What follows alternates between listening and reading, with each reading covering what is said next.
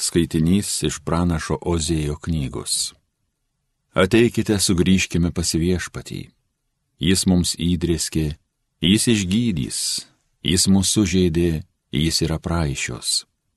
Po dviejų dienų jis leis mums atgyti, o trečiąją dieną padės atsikelti, kad mes gyventume jo akivaizdoje. Stenkimės pažinti, suprasti viešpatį, tikrai jis ateis, kaip ryto žara užtekės. Jisai aplankys mus, kaip iškrinta lietus, kaip žemė pagydo pavasario liūtis. Ką man daryti su tavim, Efraimai, ką man daryti su tavimi, Judai? Jūsų meilė lyg rytmečio rūkas, tarytum rasa, kuri greitai pranyksta.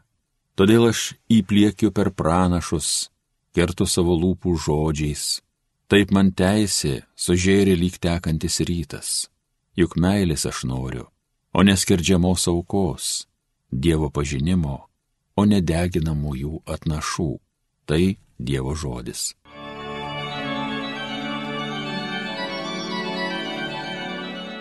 Nori tu meilės, o ne aukos. Pasigailėk manęs Dieve, tu didžiai gailestingas, gerumas tavo beribis, naikini mano kaltybę, grinai nuplauk mano dėmę, numazgok mano kaltę. Nori tu meilės, o ne aukos. Juk džiaugsmą tau daro ne aukos, jei deginčiau auką, tu nepriimtum. Manoji Dieve auka tai širdis sugrūdus, graudžios nuolankio širdies tu neatstumsi. Nori tu meilės, o ne aukos. Dėl savo gerumo būk maloningas Zijonui, atkurki Jeruzalės sienas. Tada tau patiks mūsų nuoširdžios aukos, jas deginsim, dovanas tau atnašausim. Nori tu meilės, o ne aukos. Šlovėtau Kristau, amžinosios garbės karaliau.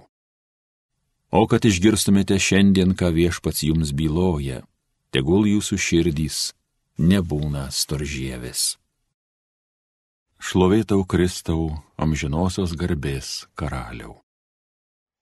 Viešpat su jumis, pasiklausykite Šventojios Evangelijos pagal Luką. Kai kuriems žmonėms, kurie pasitikėjo savo teisumu ir kitus niekino, Jėzus pasakė palyginimą. Du žmonės atėjo į šventyklą melstis. Vienas buvo fariziejus, o kitas muitininkas. Fariziejus atsistojęs taip savo vienas meldėsi. Dėkoju tau Dieve, kad nesu toks kaip kiti žmonės, plėšikai, sukčiai, svetimautojai, arba kaip šis va, muitininkas. Aš pasnikauju du kartus per savaitę. Atiduodu dešimtinę iš visko, ką įsigiju. O muitininkas stovėjo tokiai ir nedryso ne akių pakelti į dangų tik mušėsi į krūtinę maldaudamas. Dieve, būk gailestingas man nusidėliui. Sakau jums, šitas nuėjo į namus nuteisytas, anas ne. Kiekvienas, kuris save aukština, bus pažemintas, o kuris save žemina, bus išaukštintas. Girdėjote viešpaties žodį.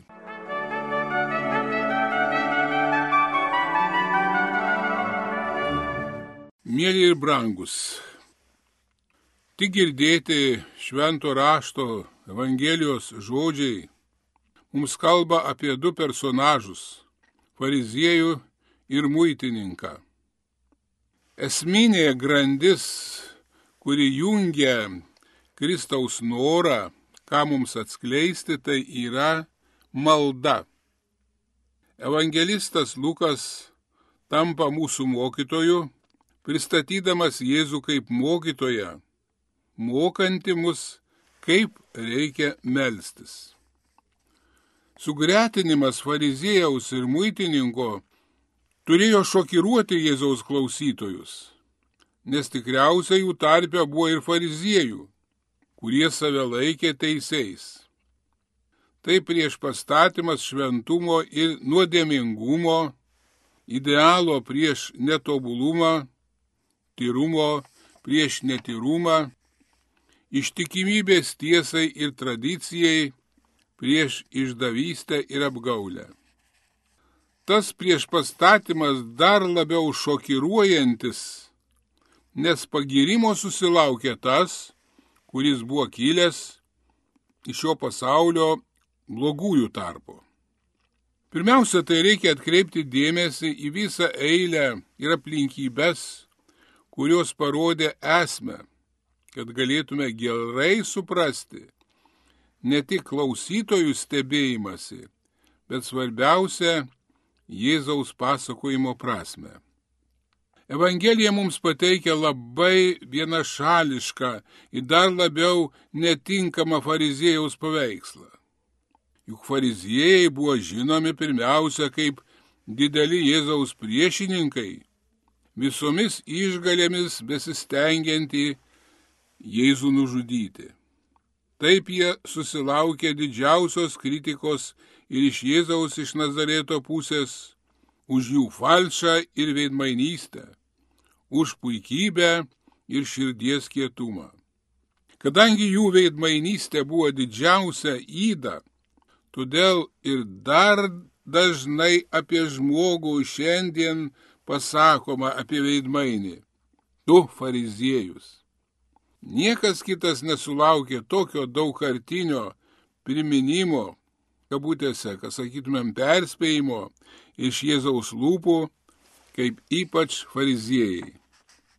Vertėtų prisiminti, kad Jėzaus laikais fariziejai didžiavosi labai didžiulę pagarbą. Tuo metu tai buvo aukščiausia religinė pozicija. Reikėjo nueiti didelį sudėtingą kelią ir keletą pakopų, kad galėtume jais tapti. Fariziejai buvo laikomi tuo metu neginčiamų religinių ir moralinių autoritetų. Jie laikėsi ritualinio tobulumo, laikydavosi Mozės teisės normų, jie pasninkaudavo ir duodavo savo pajamų dešimtinę ir rodė visiems išorinį savo pamaldumą. Fariziejų, kurį matome šios dienos Evangelijoje, atrodo tobulai atitinkais visus reikalavimus. Pavyzdžiui, atiduodu dešimtinę iš visko, ką įsigiju. Iš tikrųjų, apmokestinimas buvo tik kai kurios prekės Greičiausia pinigai iš dešimtinės buvo skirti Jeruzalės šventyklai paremti. Panašiai su ir pasninku. Tais laikais buvo įpareigojantis tik vienas pasninkas į metus. Šiandien minimas fariziejus. Pasninkauja du kart per savaitę. Atrodo, matome tikrai tobulą žmogų. Šiandien minimas muitininkas - tai kitas personažas. Šiandieninis fariziejaus požiūris į muitininką negatyvus, turintis atstuminti požiūrį. Tais laikais taip ir buvo, nes buvo suprantama, kad jie laisva valia pastoviai yra nešvarūs, kadangi kolaboruoja su okupantais romėnais. Žmonės už nusipirktas prekes turėjo mokėti muitininkams mokesčius kurie juos skirdavo Romos reikalams. Dalį tų mokesčių muitininkai nesažiningai pasimdavo savo, kas jiems nebuvo leidžiama. Tokį apibūdinimą apie muitininkus girdime šiandien - plėšikai, sūkčiai. Todėl išrinktosios tautos tarpė jie buvo laikomi didžiausiais nusidėliais. Tokius du diametrališkai skirtingus personažus sutinkame šiandien Jėzaus palyginime. Juos sutinkame ne kur kitur, bet šventykloje. Tai ta vieta, kur susitinkama su Dievu. Fariziejus ir muitininkas čia abu meldžiasi. Iš jų maldos atrodo, kad jie kalbasi su čia esančiu asmeniu. Tačiau jų maldos labai skirtingos. Iš tikrųjų, fariziejus nesimeldė Dievui. Girdime, taip savo vienas meldėsi. Tai pokalbis paties su savimi, o ne su Dievu. Tai tik išskaičiavimas savo teigiamybių katalogo, gyrimasi savo tobulumais. Savo dorybės kabutėse fariziejus pervertina. Jo lūpose skamba panieka muitininkui. Nesu toks kaip kiti žmonės. Jis pastato sieną tarp savo tobulėjimo ir kitų nusidėlių. Jo įsireiškimas, kaip šitas va muitininkas, parodo tikrąjį fariziejaus veidą jo begalinę puikybę. Jo laikysena parodo, kad Dievas jam nereikalingas Todėl jo žodžius pradžioje maldos dėkoju tau Dieve galime priskirti tik jam pačiam savo taikomus. Jis tuoj pradeda vardinti savo gerus darbus, už kuriuos pats savo gali dėkoti. Todėl tai atspindi kaip tik jo vidinę laikyseną. Atsistojęs taip savo vienas meldėsi, girdėjom. Muitininko elgesys visiškai kitoks. Jis iš tikrųjų suprato savo gyvenimo klaidas ir atsiklaupęs, muždamasis į krūtinę meldžiasi į Dievą, iš kurio laukė ne ko kito, bet atleidimo. Jis nedryso net akių pakelti į dangų, tik mūšėsi į krūtinę įtarė žodžius, kurie primena psalmė žodžius. Dieve būk gailestingas man nusidėliui. Jis jautėsi kaip sūnus paklydėlis. Todėl tikime, kad namo jis, kaip Kristus sakė, grįžo nuteisintas. Labiausiai sugėdinančių žodžius paduoda šios Evangelijos pabaiga.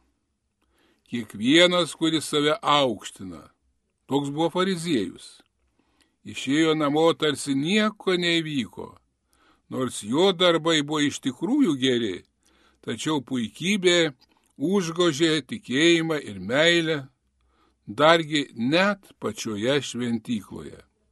O muitininkas savo gestais ir širdimi ištartais žodžiais parodė, kad tikėjimu ir meilė ieškojo Dievo gailestingumo. Jo paprastumas negali lygintis su fariziejaus daugia žodžiavimu, panašiai kaip tobulumas su nusikaltimu. Kiekvienas iš mūsų turime savyje ir fariziejaus, ir muitininko dalį. Būkime savo kiekvienas tikrai nuoširdžiai kritiški. Todėl rimta mums turėtų būti šio mąstymo išvada.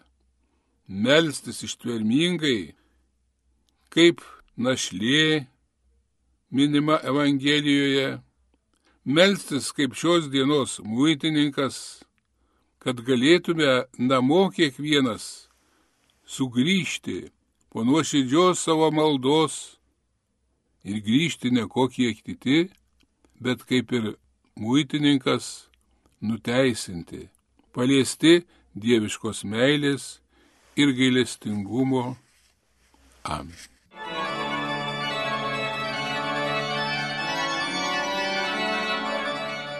Homilija sakė profesorius, habilituotas teologijos mokslų daktaras, prelatas Vytautas Steponas Vaičiūnas.